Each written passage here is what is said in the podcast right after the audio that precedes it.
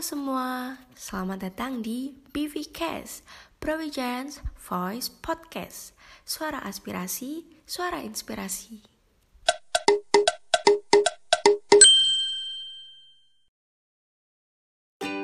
Halo semua, selamat datang di BVCast Brawijaya Voice Podcast Suara Aspirasi, Suara Inspirasi Selamat pagi pendengar setia BVCast, selamat datang di BVCast episode 3 Di sini aku, Aura Safa yang akan menemani kalian untuk beberapa menit ke depan Di BVCast episode 3 ini, kita bakal kedatangan tamu yang sangat luar biasa Beliau adalah Kak Kusuma Cahyani, yaitu Wakil Kepala Pemberdayaan Perempuan Progresif MUB tahun 2021. Wah, pastinya udah pada nggak sabar kan untuk bertanya dan sharing apa saja ke Kak Yani seputar keperempuanan. Jadi, BVCast episode kali ini akan mengusung tema tentang keperempuanan yang berjudul Women Can Be Fight. Topik yang menarik sekali bukan untuk pendengar setia BVCast? Mungkin langsung aja ya, kita bakal tanya-tanya kepada Kak Yani. Sebelumnya, kita sapa terlebih dahulu bintang tamu pada pagi hari ini. Halo Kak Yani. Halo Aura. Wah, Kak Yani apa kabar nih? Uh, Alhamdulillah baik. Aura gimana kabarnya? Alhamdulillah baik juga sih Kak. Kak Yani uh, pada akhir-akhir ini sibuk apa aja Kak? Uh, karena sekarang belum kuliah ya, mungkin kesibukannya cuma ngurus di P3 sama EM aja sih, sama kegiatan-kegiatan yang lainnya. Oh iya Kak, di BVCast episode ketiga ini kami bakal tanya-tanya nih Kak ke Kakak mengenai keperempuanan, bagaimana perempuan itu di dalam ranah privat dan bagaimana perempuan itu di dalam ranah publik. Sebelumnya Kak, aku mau tanya nih Kak, menurut Kak Yani bagaimana sih perempuan yang ideal itu Kak? Hmm, Oke, okay. gimana perempuan yang ideal? Sebenarnya aku uh, kurang sepakat dengan kata-kata perempuan yang ideal itu karena apa?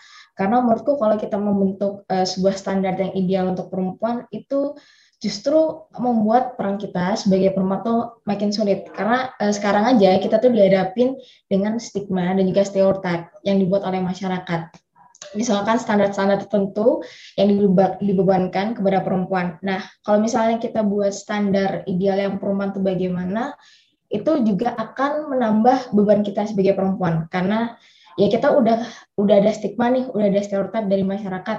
Terus kalau misalkan kita buat idealnya perempuan seperti apa, itu nggak akan bisa karena tiap-tiap perempuan itu pasti beda kan ya. Nggak bisa kita sama ratakan melalui satu standar tertentu. Nah, kalau menurutku juga ideal itu uh, subjektif banget. Jadi uh, ideal menurutku bisa bisa tentu berbeda dengan orang lain. Jadi nggak ada sebenarnya uh, ideal standar perempuan itu seperti apa. Tapi aku menganggapnya bahwa uh, perempuan dan laki-laki ini tuh harus dilihat sebagai manusia seutuhnya. Di mana kalau misalkan mereka tuh uh, melakukan hal yang uh, tidak bertentangan dengan norma, hukum dan aturan, ataupun hal-hal yang dilakukan itu tidak merugikan orang lain. Seperti itu sih. Uh, oh ya Kak, tadi kan Kak Yani kurang sepakat nih dengan adanya uh, perempuan yang ideal. Karena perempuan itu sejatinya kita nggak harus ada patokan, kita harus ideal yang seperti apa. Karena ideal itu uh, subjektif setiap orang. Jadi uh, ada kita harus cantik, kita harus pintar masak, kita harus pintar dalam pendidikan, karir dan dan lain sebagainya. Karena kita sebagai perempuan itu harus dipandang sebagai manusia seutuhnya. Dan di sini aku mau tanya nih Kak, pendapat Kak Yani mengenai adanya standar kecantikan yang ada di masyarakat saat ini, khususnya untuk kaum perempuan karena kaum perempuan itu sekarang lagi marak-maraknya nih ada standar kecantikan yang mereka tuh harus putih, harus cantik, harus tinggi, harus punya rambut yang bergelombang dan sebagainya. Menurut Kak Yaning dengan adanya standar kecantikan ini bagaimana Kak? Oke, okay, uh, eh, pastinya aku juga kurang sepakat ya dengan hal tersebut karena itu standar yang dibentuk oleh masyarakat itu sendiri dan disematkan kepada perempuan. Misalkan perempuan harus cantik, harus bisa masak, terus perempuan nggak boleh punya pendidikan yang tinggi. Menurutku hal itu itu tuh maksudnya manusia tuh boleh kok dan harus ya bisa masak, manusia harus bisa mengakses pendidikan yang tinggi dan seluas-luasnya. Tapi kenapa masyarakat justru menempatkan itu kepada perempuan aja? Misalkan perempuan itu dilarang uh, bekerja, dilarang dan lain-lain. Nah, sebenarnya kalau misalkan kita bicara kecantikan itu juga uh, itu juga tantangan bagi kita saat ini sih. Gimana perempuan itu uh, banyak banget yang bilang harus cantik, harus putih, harus tinggi, kurus dan lain-lain. Padahal nggak ada standar baku akan hal tersebut gitu kan. Nah, kalau misalkan kita lihat-lihat itu banyak banget faktornya. Mungkin kalau kita tahu Indonesia itu kan dari uh, berbagai macam-macam suku ya dan berbagai daerah. Tentunya tiap-tiap daerah tuh punya karakteristiknya masing-masing. Jadi yang misalkan yang putih itu cantik, yang berkulit agak gelap tuh juga cantik. Jadi nggak ada standar baku yang menempatkan perempuan tuh uh, cantik atau enggak. Bahkan kalau kita lihat dulu, itu justru uh, perempuan-perempuan Indonesia itu semuanya tuh berkulit sawo matang dan juga iklan-iklan dulu itu uh, model-modelnya juga aktris-aktrisnya itu dibuat sawo matang itu karena apa itu buat menunjukkan bahwa ini loh Indonesia yang sesungguhnya bahwa Indonesia tuh uh, sawo matang tuh manis cantik gitu. Jadi kalau misalkan uh, masyarakat sekarang berpendapat bahwa uh, perempuan itu harus putih kurus dan lain-lain itu uh, masih pemikiran yang kuno banget dan itu salah. Dan maksudnya yang perlu kita tekankan itu kita harus uh, hidup di keberagaman itu. Dan nggak ada masalah misalkan perempuan mau kulitnya sama matang, mau dia rambutnya keriting dan lain-lain itu nggak ada masalah yang uh, mengganggu gitu loh. Jadi kayak kita bisa lihat manusia itu seutuhnya tanpa melihat fisiknya dan lain-lainnya seperti itu. Oke Kak, aku sepakat nih sama Kak Yaning ya Kak. Terusan ini ada topik yang menarik banget Kak mau aku bahas. Tadi kan kita udah bahas bagaimana uh, standar perempuan yang ideal atau bagaimana perempuan itu ideal tuh yang harus bagaimana. Dan di sini uh, menurut Kak Yani, apakah ada nih kewajiban dan hak perempuan? Apakah Kak Yani ada definisi tersendiri mengenai kewajiban dan hak perempuan Kak? Oke, kalau aku sendiri sama ke yang jawaban yang perempuan yang ideal tadi ya. Sebenarnya nggak ada kewajiban tertentu, kewajiban yang baku e, perempuan itu seperti apa. Kewajiban itu untuk seluruh manusia, baik perempuan atau laki-laki. Yang aku bilang tadi, selama yang dilakukan tidak bertentangan dengan aturan, norma, dan hukum yang berlaku dan tidak merugikan orang lain, itu kewajiban kita sebagai manusia. Dan juga misalkan kita perempuan dan laki-laki, kita wajib itu. Nah, tapi yang perlu uh, kita kritisi hari ini adalah sering kali nih masyarakat itu mewajibkan suatu hal hanya kepada perempuan. Misalkan perempuan tuh wajib bisa masak, perempuan wajib bisa dandan dan lain-lainnya. Hal-hal seperti itu yang dikonstruksi sosial oleh masyarakat dan hanya disematkan kepada perempuan. Kan kita jarang banget ya laki-laki harus bisa masak dan lain-lain, cenderung perempuan yang diwajibkan untuk bisa masak dan lain-lain. Tapi itu berbanding terbalik dengan hak yang diberikan kepada perempuan. Jadi perempuan ini diberikan uh, kewajiban tambahan lah ya, kepada perempuan, tapi perempuan itu tidak diberikan haknya yang sama dengan laki-laki. Misalkan uh, banyak banget uh, perempuan-perempuan yang mengalami kesulitan akses dalam mendapatkan haknya, misalkan pendidikan. Sekarang tuh banyak banget yang bilang perempuan tuh jangan pendidikan tinggi-tinggi karena apa beriknya ujung ke dapur dan lain-lainnya dan balik lagi ke standar-standar sosial masyarakat tersebut. Nah, karena itulah ini yang timpang gitu antara kewajiban dan hak perempuan. Ketika perempuan dibebankan kewajiban lebih, tapi haknya itu justru dikurangi. Tidak sama dengan laki-laki, itu yang perlu kita perjuangkan sampai saat ini, karena uh, stigma dan stereotip itu juga termasuk uh, menghambat perempuan untuk mendapatkan hak-haknya. Seperti itu. Misalkan uh, perempuan nih, kita mau jadi pemimpin atau berkecimpung di politik, pasti kan perlu hak juga kan dan perlu akses juga untuk ke situ. Salah satunya itu misalkan pendidikan. Nah, kalau misalkan perempuan sendiri nggak diberikan pendidikan yang setara, gimana kita mau punya kemampuan yang setara, punya kapasitas yang setara juga, yang bisa dipertimbangkan, yang bisa diperjualkan gitu. Sebagai bargaining kita bahwa, nah loh, kita juga punya skill yang sama dengan dengan laki-laki. Seperti itu sih. Oke Kak, jadi aku nangkep poinnya Kak Yaning itu ada budaya patriarki di tengah masyarakat saat ini. Karena menurut aku ya Kak, uh, budaya patriarki itu di masyarakat itu masih berkembang seperti menyebabkan terbelenggunya kebebasan perempuan dan mengganggu hak-hak perempuan seperti mungkin pada aspek pendidikan, ekonomi sosial, dan juga politik. Dan juga menurut aku dengan adanya hak perempuan yang harus memasak di dapur, harus berdandan di rumah, harus mencuci dan sebagainya, mengurus kebutuhan di rumah itu udah gak zaman lagi ya kak, karena kita udah hidup di era kebebasan uh, untuk kaum perempuan, udah ada emansipasi perempuan, dan juga ada kesetaraan gender. Karena dengan adanya budaya patriarki ya Kak, menurut aku itu perempuan itu terkesan utopis, ruang gerak perempuan itu juga dibatasi dan menghalangi eksistensi perempuan. Dan menurut Kak Yani nih, uh, bagaimana sih Kak uh, budaya patriarki ini uh, menurut Kak Yani bagaimana sih Kak budaya patriarki yang masih langgeng nih di Indonesia sampai saat ini gitu Kak? Hmm, ya oke. Okay. Sebenarnya kalau ngomong budaya patriarki itu udah lama banget ya di di Indonesia pun sampai saat ini masih banyak orang yang punya pemikiran-pemikiran patriarki seperti itu. Cuma kalau aku ngelihat uh, masyarakat saat ini tuh sudah mulai terbuka gitu loh. Jadi semuanya udah mulai sadar bahwa oh ya memang sekarang tuh ada keterbatasan akses antara perempuan dan laki-laki dan perempuan harus diberikan uh, akses yang setara sudah mulai ada pemikiran-pemikiran tersebut walaupun masih ada beberapa orang mungkin yang masih um, punya pola pikir yang patriarkis gitu. Nah sekarang uh, justru usaha kita saat ini adalah gimana kita mengedukasi orang-orang tersebut bahwa kondisi saat ini perempuan itu susah mendapatkan hak dan akses yang setara dengan laki-laki. Dan kita bisa mengedukasi laki-laki bisa mengedukasi semua orang yang hanya laki-laki. Perempuan pun juga masih ada yang punya pemikiran patriarkis. Bahwa saat ini yang kita perlu perjuangkan adalah gimana nih perempuan dan laki-laki berjuang bareng gitu. Untuk menghapuskan akses-akses akses yang tidak setara ini. Yang mengalami eh, dampak dari patriarki itu nggak hanya perempuan.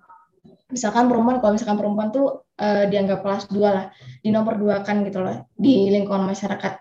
Tapi laki-laki sendiri tuh juga punya eh, dampak karena patriarki. Misalkan uh, bilang laki-laki tuh nggak boleh nangis, laki-laki itu harus tegas, harus maco banget lah. Itu juga dampak dari patriarki. Terus misalkan laki-laki itu harus mapan buat menghidupi uh, istri dan keluarganya nanti itu juga dampak dari patriarki juga. Bagaimana laki-laki itu dibebankan, gimana itu harus maco, harus uh, standar finansialnya itu harus uh, cukup tinggi gitu lah. Itu juga dampak. Jadi sebenarnya kita semua baik perempuan dan laki-laki itu juga terdampak gitu juga kena efeknya dari patriarki makanya sekarang yang kita perlu lakukan adalah gimana nih kita perempuan dan laki-laki ini kita bareng-bareng untuk menghapuskan standar-standar kayak gini menghapuskan budaya-budaya patriarki yang masih melekat di masyarakat karena itu balik lagi kita semua punya kena dampaknya juga dan kita juga mau mengubah itu bareng-bareng dan harus mengubah itu bareng-bareng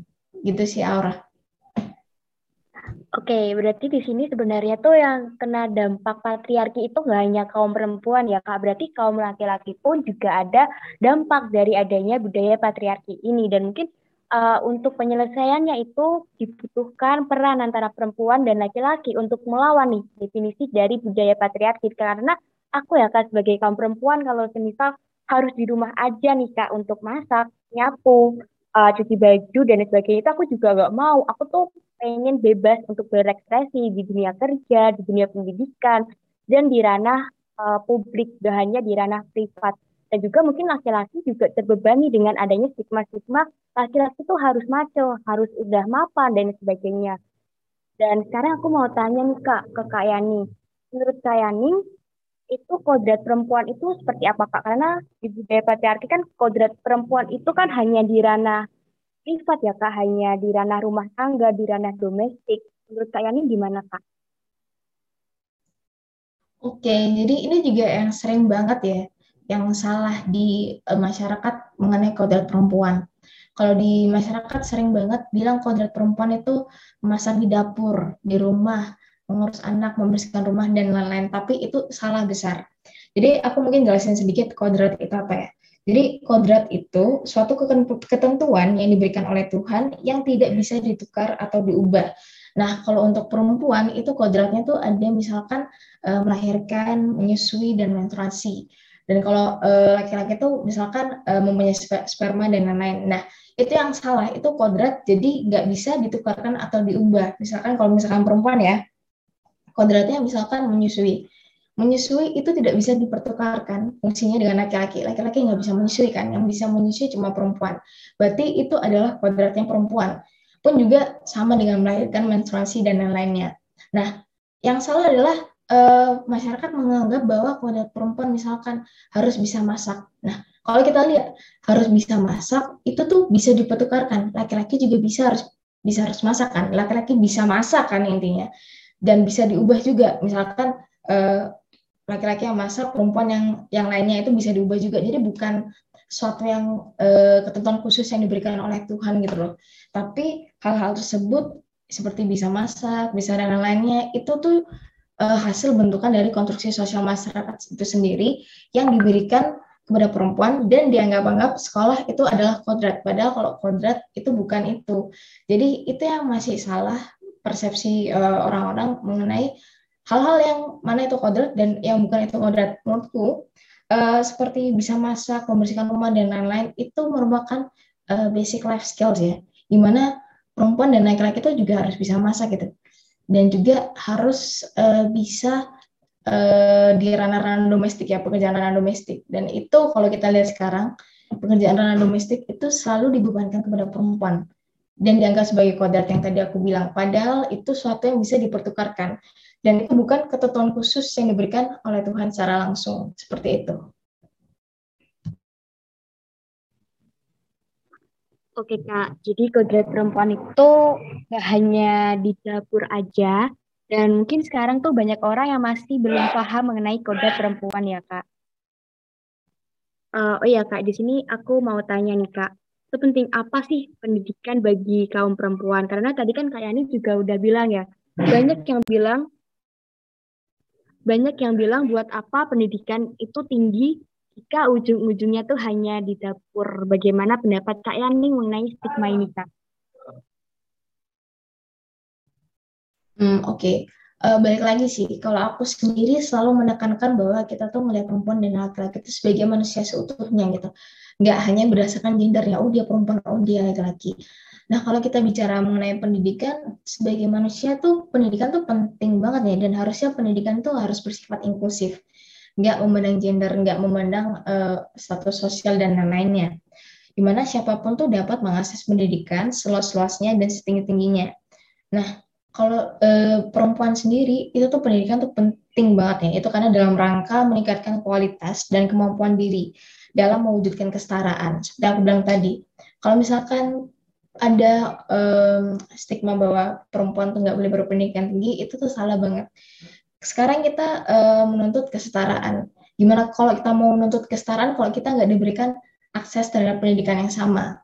Misalnya kayak aku bilang tadi, kalau misalkan uh, perempuan menuntut kesetaraan bisa memimpin uh, organisasi ekonomi tertentu gitu yang sama kesempatannya dengan laki-laki. Sedangkan kalau kita nggak diberikan akses pendidikan yang sama, gimana kita mau punya kemampuan dan kualitas yang sama dengan laki-laki. Sehingga yang harus dipertimbangkan ya untuk menjadi pemimpin itu benar-benar berdasarkan skillnya, berdasarkan kemampuannya, bukan berdasarkan gendernya. Karena menurutku gender itu nggak berpengaruh gitu, nggak nggak berpengaruh dari skill seseorang dalam memimpin.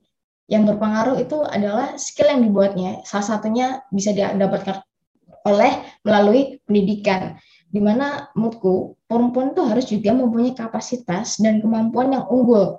Jadi kita punya skill supaya mandiri dan nggak bergantung ke orang lain. Itu juga bisa banget manusia seluruhnya itu juga harus punya skill gitu supaya kita mandiri dan nggak bergantung ke orang lain. Nggak cuma perempuan aja. Nah, kalau misalkan ada yang bilang ngapain perempuan e, ngakses pendidikan tinggi-tinggi, toh ujung-ujungnya di dapur atau jadi ibu rumah tangga.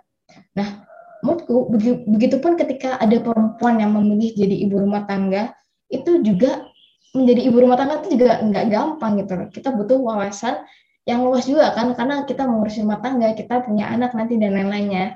Bahwa ada yang bilang e, pendidikan orang tuh penting banget karena di dalam keluarga anak pertama kali memperoleh pendidikan.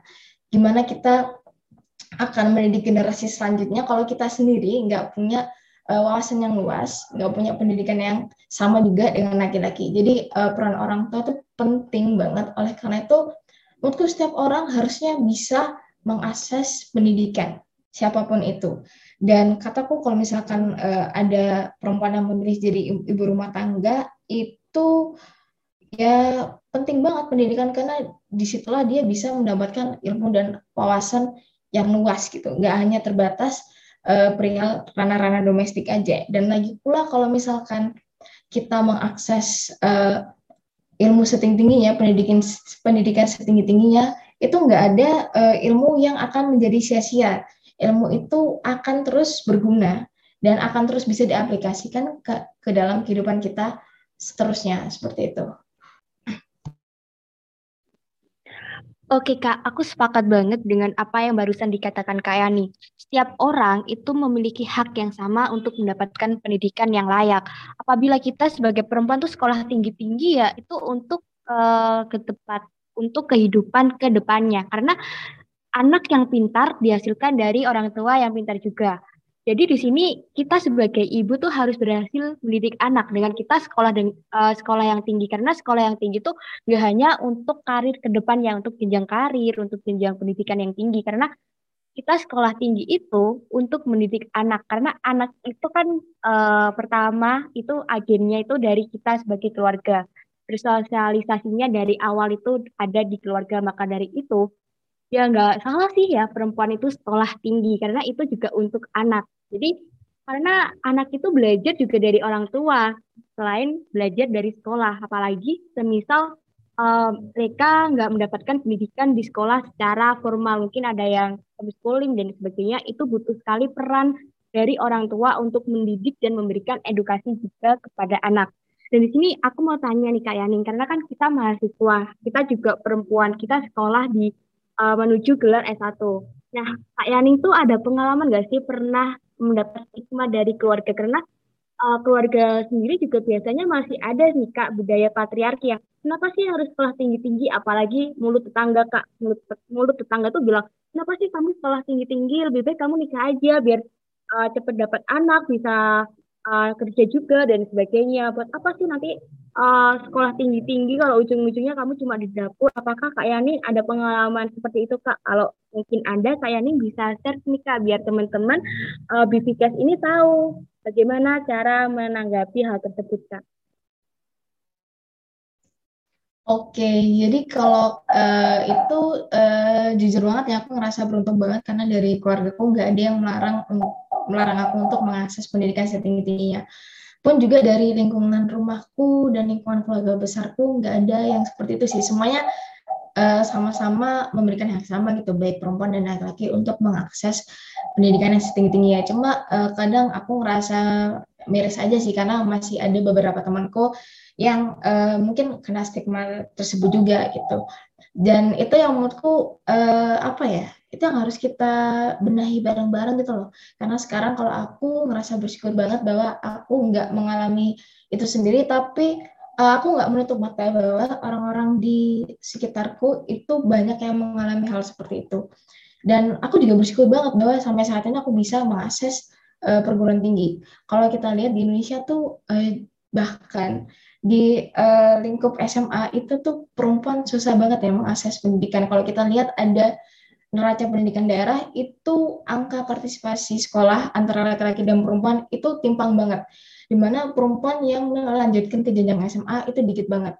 Karena banyak faktor. Mungkin yang uh, kita sering dengar itu ada pernikahan dini di daerah-daerah tertentu itu tuh masih uh, dilanggengkan di mana perempuan tuh uh, dinikahkan karena uh, supaya dia bisa menjadi membantu ekonomi keluarganya gitu dinikahkan dengan orang yang uh, ekonominya lebih baik dan lain-lainnya. Dan menurutku itu sih yang uh, agak miris aja lihatnya dan itu juga yang ngebuat aku untuk uh, mempelajari lebih dalam tentang isu perempuan. Karena hal-hal tersebut uh, benar-benar seharusnya nggak dibenarkan gitu loh. Di pemikiran masyarakat saat itu harusnya nggak nggak dibenarkan. Dan karena itu aku sendiri karena aku merasa beruntung jadi aku merasa uh, bisa mempunyai akses untuk belajar lebih dalam soal isu perempuan. Bahkan aku bisa mengakses perguruan tinggi yang ilmunya luas banget. Dan aku memakai kesempatan itu untuk belajar mengenai isu, -isu perempuan supaya uh, setidaknya aku bisa membantu meluruskan persepsi yang salah di masyarakat tentang hal tersebut. Seperti itu Aura. Oke Kak, jadinya mungkin di keluarga Kak Yaning dan di keluarga aku juga nggak ada stigma kamu harus sekolah tuh nggak harus tinggi-tinggi. Di keluarga kita mungkin masih mendukung ya Kak, tapi ada mungkin beberapa keluarga di luar sana tuh yang nggak mendukung hal tersebut. Uh, mungkin aku mau cukupkan aja ya Kak untuk diskusi kita pada pagi hari ini. Semoga uh, ke depannya tuh perempuan-perempuan di Indonesia bisa lebih lagi berjuang melawan ketidak ketidakadilan, uh, melawan mungkin mereka tidak mendapatkan hak-hak yang sepatutnya mereka dapatkan. Nah, di sini aku mau tahu nih Kak closing statement dari Kak Yaning mengenai uh, bagaimana cara melawan budaya patriarki, melawan domestikasi perempuan, melawan ketidakadilan bagi perempuan, melawan ketidakadilan gender dan juga melawan stigma-stigma masyarakat mengenai keperempuanan. Bagaimana Kak? Oke, mungkin closing statement dari aku uh, untuk kita dan perempuan-perempuan hebat di luar sana, kita harus berani ya untuk mendobrak stigma dan stereotip yang dibuat oleh masyarakat dan disematkan kepada perempuan. Kita harus berani untuk menunjukkan bahwa kita tuh sebenarnya tuh punya kemampuan yang sama, kita tuh sebenarnya bisa. Dan seharusnya hal tersebut bukan menjadi penghalang untuk kita perempuan mencapai apa yang kita inginkan, sama dengan laki-laki. Pun juga kalau kita melihat kondisi sosial masyarakat saat, ini kan juga masih kental banget kan budaya patriarkinya. Oleh karena itu aku ingin mengajak semuanya, eh, baik perempuan laki-laki, yang muda, yang tua, dan lain-lainnya, untuk kita sama-sama nih bergandengan, kita merubah hal-hal yang seharusnya di masyarakat tuh salah kita benarkan, kita luruskan seperti apa. Misalkan patriarki, kesetaraan, dan lain-lainnya. Karena kalau misalkan perempuan aja berjuang, itu nggak akan bisa. Ibaratnya uh, sayap ya. Kalau satu sayap aja tuh nggak bisa, harus dua-duanya sayap kan. Dan jadi harus perempuan dan laki-laki ini bekerja bareng, berusaha bareng untuk uh, menciptakan suatu sistem yang di mana itu nggak menindas salah satu pihak baik itu perempuan dan laki-laki atau pihak-pihak lainnya. Jadi kita uh, setidaknya dalam diri kita sendiri kita harus sadar bahwa memang ada ketimbangan dan di situ dan kita harus berusaha untuk memperbaiki ketimbangan tersebut. Gitu sih Aura.